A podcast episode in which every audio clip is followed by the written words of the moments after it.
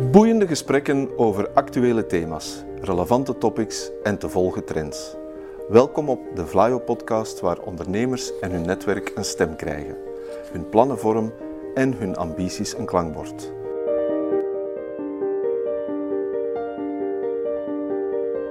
To the point waar het kan, dieper gravend waar het moet. Inspirerend, informerend, ondersteunend. Van artificial intelligence, blockchain en circulaire economie tot digitale zorg. Wij knopen het in jouw oren.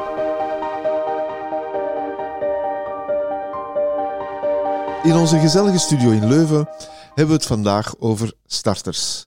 En we doen dat met Vlaio bedrijfsadviseur en business model expert Bas Sturm aan de hand van het boek How to Fuck Up Your Startup van Kim Witker. Dag Bas. Dag Werner. Voorafgaand aan onze boekbespreking heb ik al twee vraagjes voor jou. Wat heb jij met starters? Wat fascineert jou aan jonge startende ondernemers? Ja, wel in eerste plaats de dynamiek. Vaak vol enthousiasme en verwachtingen. En dat straalt ook een beetje uit op het bedrijf. En dat is ook zo'n soort van belofte van een toekomstig fantastisch bedrijf. En bovendien is het een groep van, van bedrijven waar wij veel voor kunnen betekenen als uh, bedrijfsadviseur. Dus uh, enerzijds natuurlijk met de subsidies, maar ook met, met verwijzingen binnen het netwerk. De, vaak kennen ze daar nog lang niet alle partijen van. En ook met adviezen die we kunnen geven. Denk maar aan adviezen rond intellectueel eigendom en business modeling bijvoorbeeld.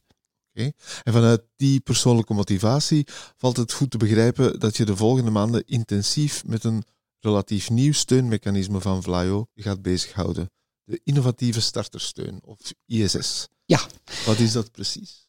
Wel, het is een subsidie gekoppeld aan begeleiding van ons, van bedrijfsadviseurs, maar ook eigenlijk van, van partnerorganisaties met wie we samenwerken. Dus enerzijds, wat heel goed is aan de subsidie, is dat die heel veel vrijheid laat. In tegenstelling tot heel veel subsidies van Vlaio, waarbij toch redelijk direct wordt omschreven wat je in het kader van die subsidie mag doen, zeggen we hier eigenlijk gewoon van bewijs maar dat je een proof of business hebt, bewijs maar dat je een proof of concept hebt, of een, laten we zeggen, product market fit. En hoe je dat doet, welke activiteiten je daarvoor ontplooit, wie je daarbij in de arm neemt, dat moet je gewoon zelf weten.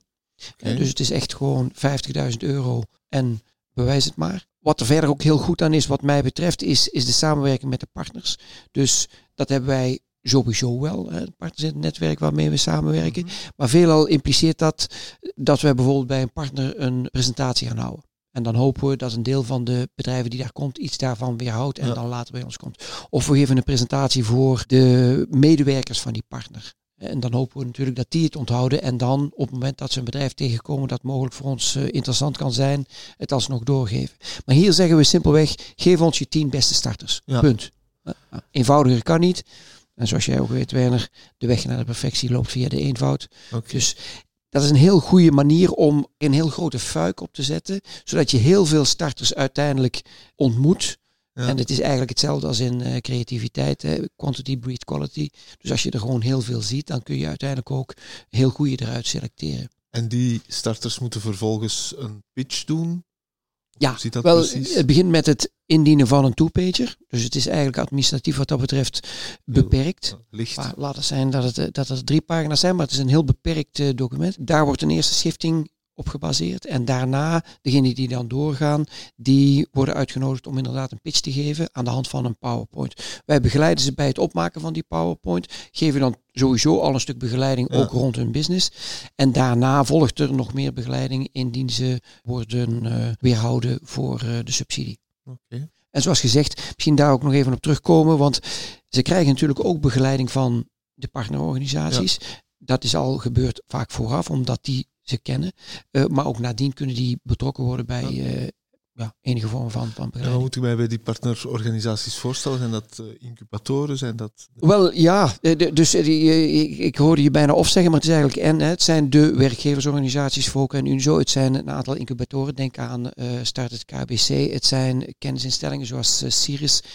dus er, er, zit eigenlijk een, een pleiade aan organisaties. Ik denk dat we, ja, pleiade is een groot woord. Het zijn er 12 denk ik die op dit moment betrokken zijn bij deze subsidie.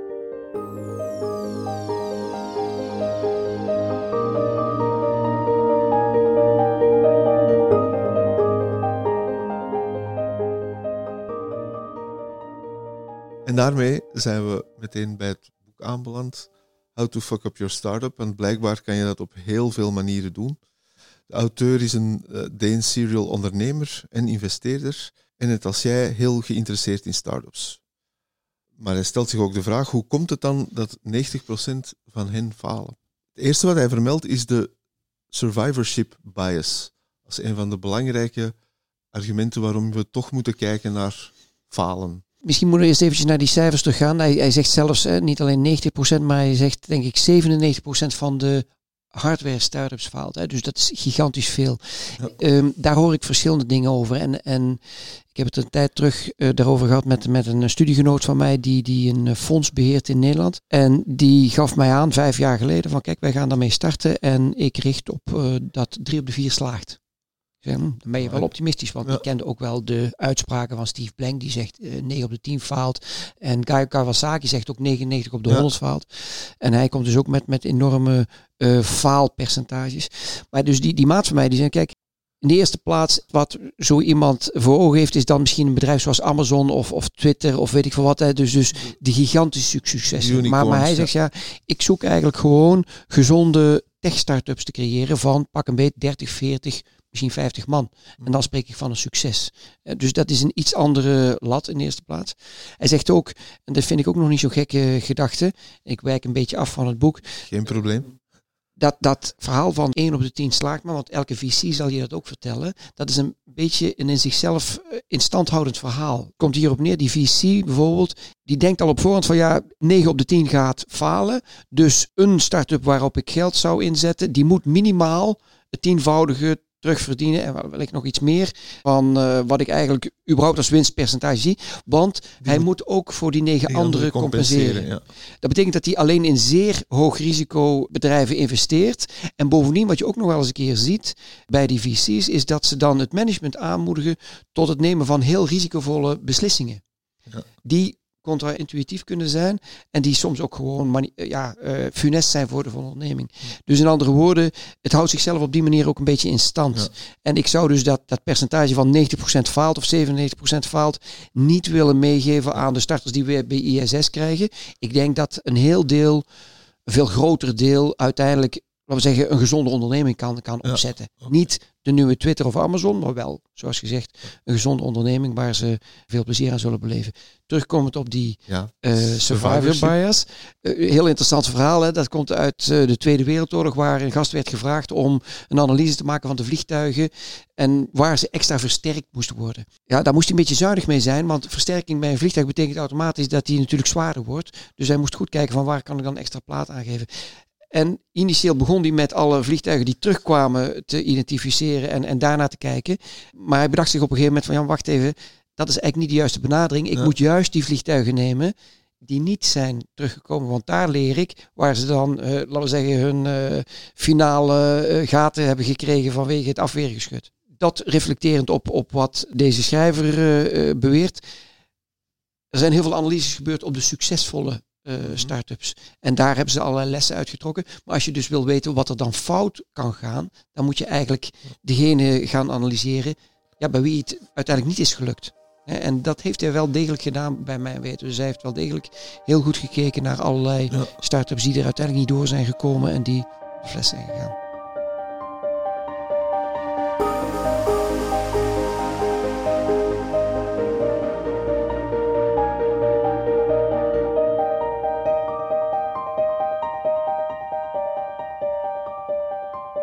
Andere conclusie van de schrijver, dat is dat start-ups eigenlijk te vergelijken zijn met een marathon lopen in een mijnenveld. Vond ik wel een mooi beeld. Ja, ja wel een beetje deprimerend beeld moet ik zeggen. Ik, nogmaals, ik, ik schat het ietsje optimistischer en ik hoop dat het uiteindelijk uh, optimistischer kan zijn. Ook, ook als ik kijk naar, naar, we zeggen, de bedrijven die wij in de loop van de tijd gesteund hebben, waar ik bij betrokken was en waar ik nu met trots zo weet je naar kijkt. Zo van, kijk, dat zijn echt wel de paarden op de kroon. Ja, dat zijn vaak bedrijven van 40, 50 man. Ja. Hier en daar een uitschieter naar iets boven de 100, ja. maar, maar niet duizenden of zoiets dergelijks. En als je die pet opzet, dan denk ik wel dat er een, een hoger slagingspercentage mogelijk is.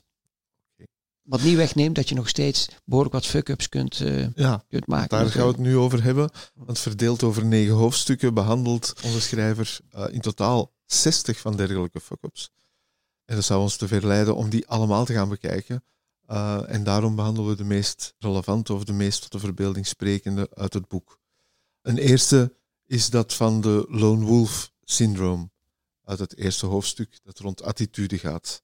En waarom is het dus, vraag ik mij af, een misvatting dat je alles best alleen kunt doen? Want dat lijkt veilig en helder, maar dat is niet zo. Nee, ja, de, exacte waarom geeft hij een boek niet mee. En ik weet die ook niet. ik weet dat eigenlijk wel, denk ik, maar uh, en hij weet het zeker. Uh, maar er zijn veel meer studies gedaan naar de, de kans van slagen van een start-up. En daar het team is eigenlijk het belangrijkste waar de meeste mensen naar kijken in, in, als het gaat over het inschatten van succes of de succeskans. En in die studies komt ook naar voren dat dus één pitters minder kans op succes hebben dan start-ups die met twee partners of met drie partners starten. Twee of drie is eigenlijk het optimum. Misschien vier. Ook, ook bijvoorbeeld een van de verantwoordelijken van Y Combinator, ik hoorde hem een tijdje terug daarover praten. Die zei ook van ja, ze moeten bij ons sowieso twee of drie starters hebben, anders komen ze er niet in. Wij gaan bijvoorbeeld bij ISS voor de duidelijkheid niet zo ver. Hè? Dus wij laten wel degelijk ook starters toe die in hun eentje starten. Maar eigenlijk ook een klein beetje met de ondertoon van kijk dan ook gelijk eventjes of je niet ergens een partner kunt vinden.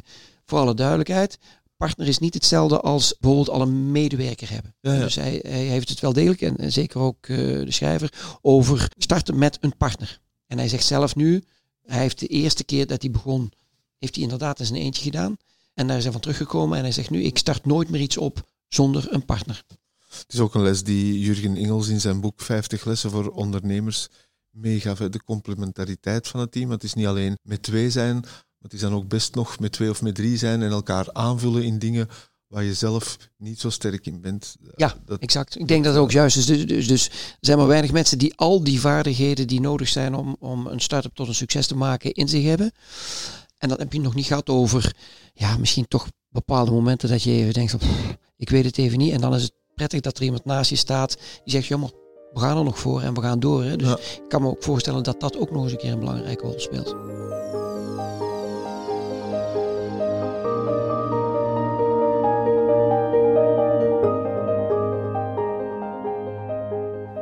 Het tweede hoofdstuk gaat recht naar jouw hart, vermoed ik, over business model fuck-ups. Naast helemaal geen businessplan hebben, is een slecht businessplan een hele grote fuck-up. Zo'n businessplan kan je volgens de auteur in een kleine week rond hebben. Hoe zie jij dat, Bas? Maar ik denk, als ik de periodes opgeef die, die hij uittrekt voor de verschillende fasen, dan zit hij zelfs maar op een halve week. Ja. dus hij trekt een half uur uit voor een uh, business model. Uh, aan de hand van het canvas, het business model canvas van Van Osterwalder. En dan heeft hij een paar uur nodig voor de eerste uh, one-pager one pager en, en zo verder. Dus dat is wat mij betreft wel heel kort. Maar ik, ik volg wel in de orde grootte, laat ik zo zeggen. Dus ik denk dat je op anderhalf uur bijvoorbeeld de canvas BMC en een lean canvas kunt opmaken. Die, die overlappen ook voor een stuk. Dus als je de eerste een uur uittrekt, dan heb je zeker genoeg aan een half uur voor het tweede. Dus dat duurt eigenlijk helemaal niet zo lang. En dus is dat al alleen al een reden om te zeggen, dat moet je zeker doen. Omdat het een beperkte investering is. Tuurlijk, je moet daarbij wel in de gaten houden. Dan heb je het nog niet gechallenged. Hè? Dan zit je nog typisch in die fase waarin je gewoon tussen de vier muren van je uh, bureau uh, gewoon post-its plakt. Samen met misschien een paar andere mensen. En dat zijn allemaal assumpties. Dus dat opstellen van die eerste lijst met assumpties over de eerste canvas, ja, dat zal snel gaan. Als het dan gaat over het werkelijk verifiëren, ja, dat, dat zal een iteratief proces zijn dat veel meer tijd in uh, beslag neemt. Ik denk dat de belangrijkste les is van het op papier te zetten en het niet gewoon in je hoofd laten rondspelen. Van, ik denk dat je daar maak gelijk het, hebt, ja. Maak het, maak het hard.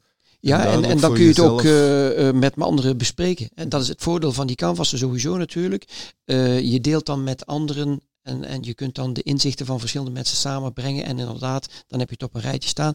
Ik denk ook dat die, die andere stappen die hij noemt, dus de one-pager en daarna toch wel een businessplan. Uh, dat budget vond ik overigens ook wel een hele goede. Daar is hij heel snel mee. En ik denk dat dat ook een hele goede tip is, aanvullend op het invullen van die canvassen. Gewoon al is het maar, maar echt een natte vinger in de lucht. van, Wat is een bolpak figure waar je aan denkt dat je gaat nodig hebben en wat je gaat uitgeven. En in het vervolg, wat daarop volgt van oké, hoe zie je dan die inkomsten en die uitgaven. Heel snel daar een grip op proberen te krijgen. Wetende dat dat met aan zekerheidsgrenzen waarschijnlijk toch nog wel een keer onder vuur zal komen te liggen. Maar, maar het is goed dat je alvast een eerste gevoel daarbij hebt.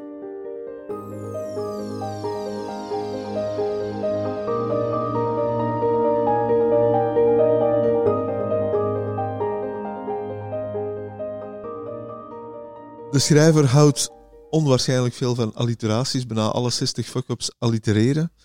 En één waar hij voor waarschuwt is de mini-mindset. Te klein denken is heel gevaarlijk voor een start-up. Hoe zie jij dat? Wel, ja, de, dat is iets waar uh, ik, laten we zeggen, minder voeling mee heb. Dus hij, hij komt in het boek ook wel met, soms zien ondernemers het juist te groot. En op een ander moment zou dan een start-up het ook wel eens te klein kunnen zien. Ik, ik wil het wel volgen. Hè. Dus hij, hij, geeft bijvoorbeeld aan van ja, een, een start-up die dan zegt van oh, een kleine winst is al voldoende. Maar ja, een kleine winst kan heel makkelijk omslaan net naar een verlies dan. En, en dan snap ik wel zijn uh, insteek van, zie je het dan gelijk groter? Hij, hij gebruikt zelfs een factor Maal 10. 10 ja. Ja, ja uh, ik weet niet of dat daadwerkelijk is om gewoon even een statement te maken of dat hij daadwerkelijk ook zo heeft onderzocht. Maar in ieder geval zie je het groter zodat je eventuele kleine marges nog zou kunnen, kunnen opvangen. Dus in die zin wil ik het wel, uh, wil ik het wel En hij refereert dan naar de Big Harry Audacious Goals van Ja. Tim Collins. Die ken Ja. jij ook wel. Ja, ja, ja, ja voilà. Oké, dus, dus in andere woorden, je mag als start-up, is een starter die beoogt om een, een forse groei te maken, mag je dan inderdaad ook wel forse doelen stellen. Daar wil ik wel eh, in meegaan. Het derde hoofdstuk behandelt market research fuck-ups. En ook daar komt een van jouw stokpaardjes aan bod, de MVP. Hmm. Wat is dat precies en waarom is dat belangrijk om zo'n MVP? Ja, eh, eh, eh, MVP, dat, dat komt eigenlijk uit het vocabulaire van lean approach en, en customer development. Hè. Dus wat, wat zeggen we eigenlijk bij startups, en dat is zeker ook de insteek van VCare. Je moet parallel aan de ontwikkelingen die je doet, hè, aan het product, continu contact houden met de klant. En dat betekent, in eerste instantie kan dat gewoon een gesprek zijn, waar je misschien gewoon eens vraagt of hij dat probleem dat jij meende te identificeren, of die dat ook ziet. En daarna kom je met een schetsontwerp en dan nog wat. En dan kom je met die MVP, Minimum Viable Product. Wat in feite dus inderdaad al wel een product is dat in ieder geval de basisfuncties kan vervullen die je voor ogen hebt. En waarbij je dan uitgebreid kunt testen met die klant om te zien of dat inderdaad werkt en eh, of dat tegemoet komt aan zijn noden. Is dat goed, dan heb je eigenlijk een product markt fit. En dan zal, wat we zeggen, ja, marketing en sales nadien ook veel gemakkelijker gaan.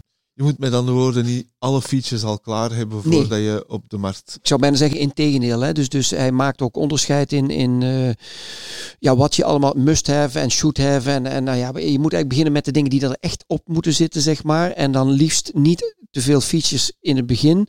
Eh, en al helemaal niet à la tête du client. Daar, daar komt hij later, op in het, eh, later in het boek ook nog wel op terug. Maar juist proberen het tot het minimum te reduceren dat kan volstaan. En daarmee eerst eh, zien dat je een, een goede fit hebt. Kiet dat je nadien dan nog verder uitbreidt en daar extra elementen en features aan toevoegt. Inderdaad, zoals je zegt, hè, die à la tête du client beginnen te ontwikkelen is ook een van de fuck-ups Ja. die hij vermeldt, omdat dat eh, jou weghoudt van wat je echt aan het doen bent. Ja. Winst maken, daar gaat het om.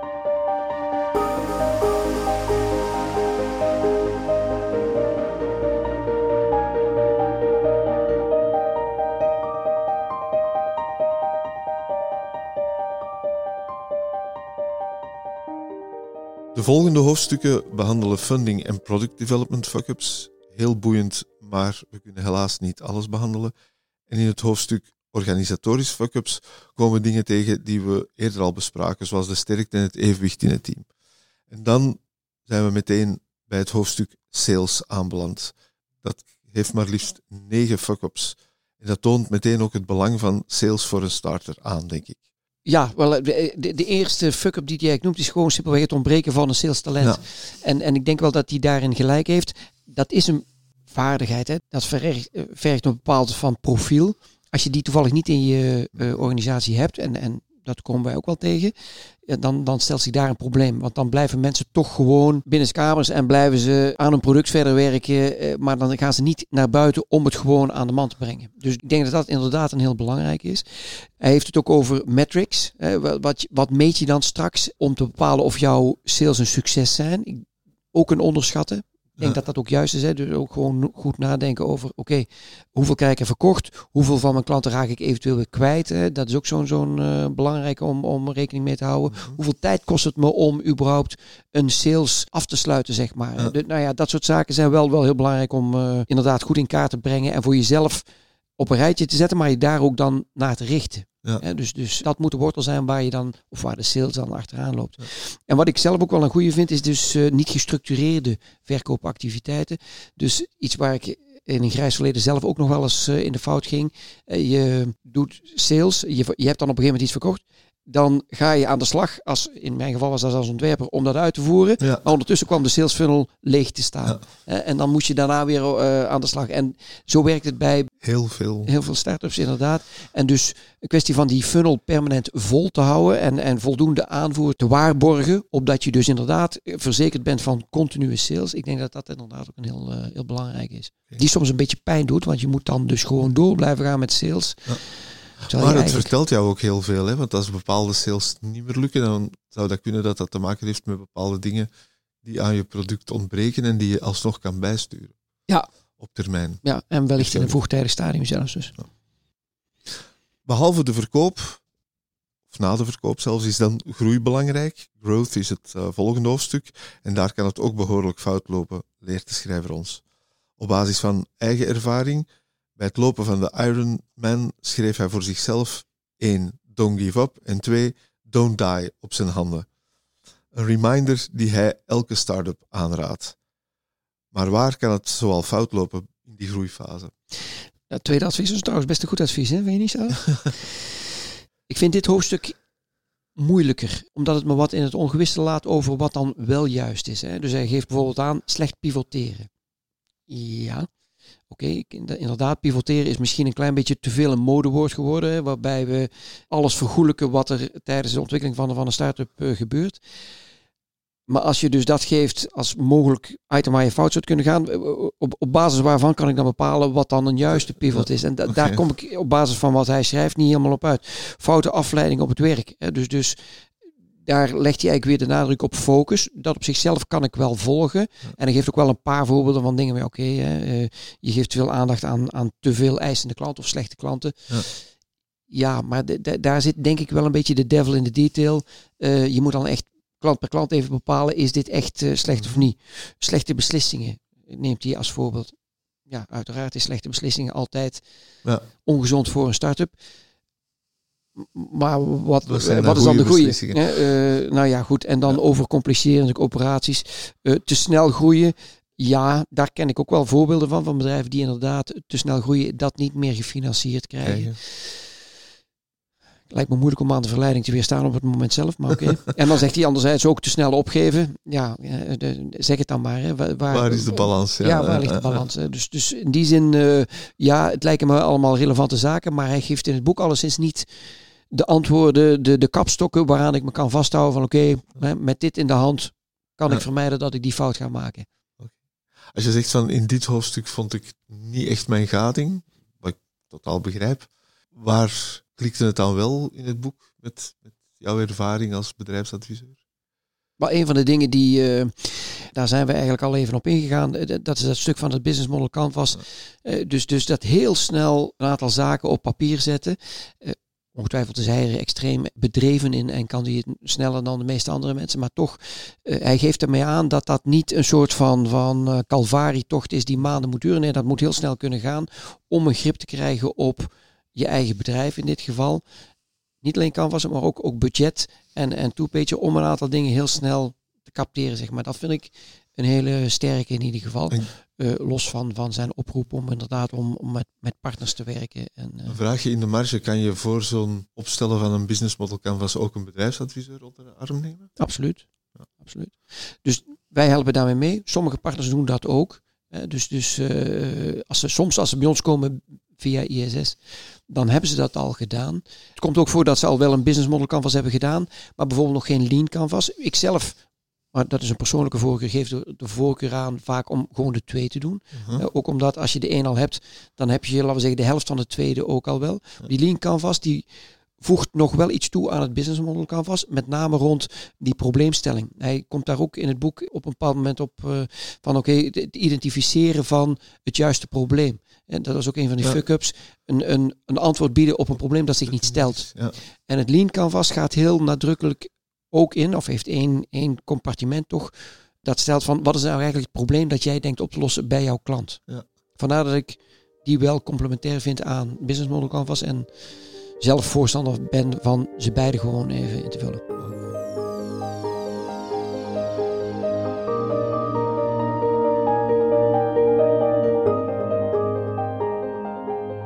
In het laatste hoofdstuk, daar had ik het dan persoonlijk wat moeilijker mee, gaat het over de toekomst en de manier waarop je die zelf wel kan voorspellen of hoe zit dat precies? Wel, ik vrees dat ik ongeveer in jouw kamp zit, dus ik weet het ook niet helemaal zeker. Hij geeft een paar dingen aan. Ja, hij heeft over pestel. Hè. Dus, dus er zijn natuurlijk wel, wel methodes om een educated guest te krijgen over de toekomst. Ik denk dat dat het een klein beetje is.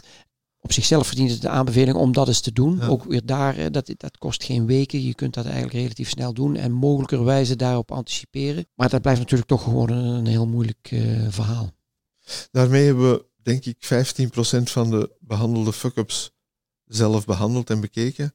Wellicht een representatief sample van wat het, wat het boek te bieden heeft. Hij illustreert dat zelf met eigen voorbeelden, voorbeelden van anderen. En dus vraag ik van jou een beetje de evaluatie van het boek. Hoe, hoe goed vond je het? Welke starters zou je het aanbevelen? Waarom is het interessant om als starter dit boek vast te nemen? Ik denk dat het niet op elke starter gericht is, maar op start-ups. En dus dat zijn, wat mij betreft, dus starters met forse groeiambities, met een schaalbaar businessmodel. Het is daarop gericht. Dat zijn ook degenen die misschien ergens onderweg nood hebben aan, aan venture capital of aan, aan investeerders bijvoorbeeld of zo. En ja, voor die groep is het zonder meer interessant om, om zich de, de dingen die die aanreikt uh, eigen te maken. Dank je Bas voor deze toelichting en veel succes met de innovatieve starters die je verder gaat steunen. Dankjewel.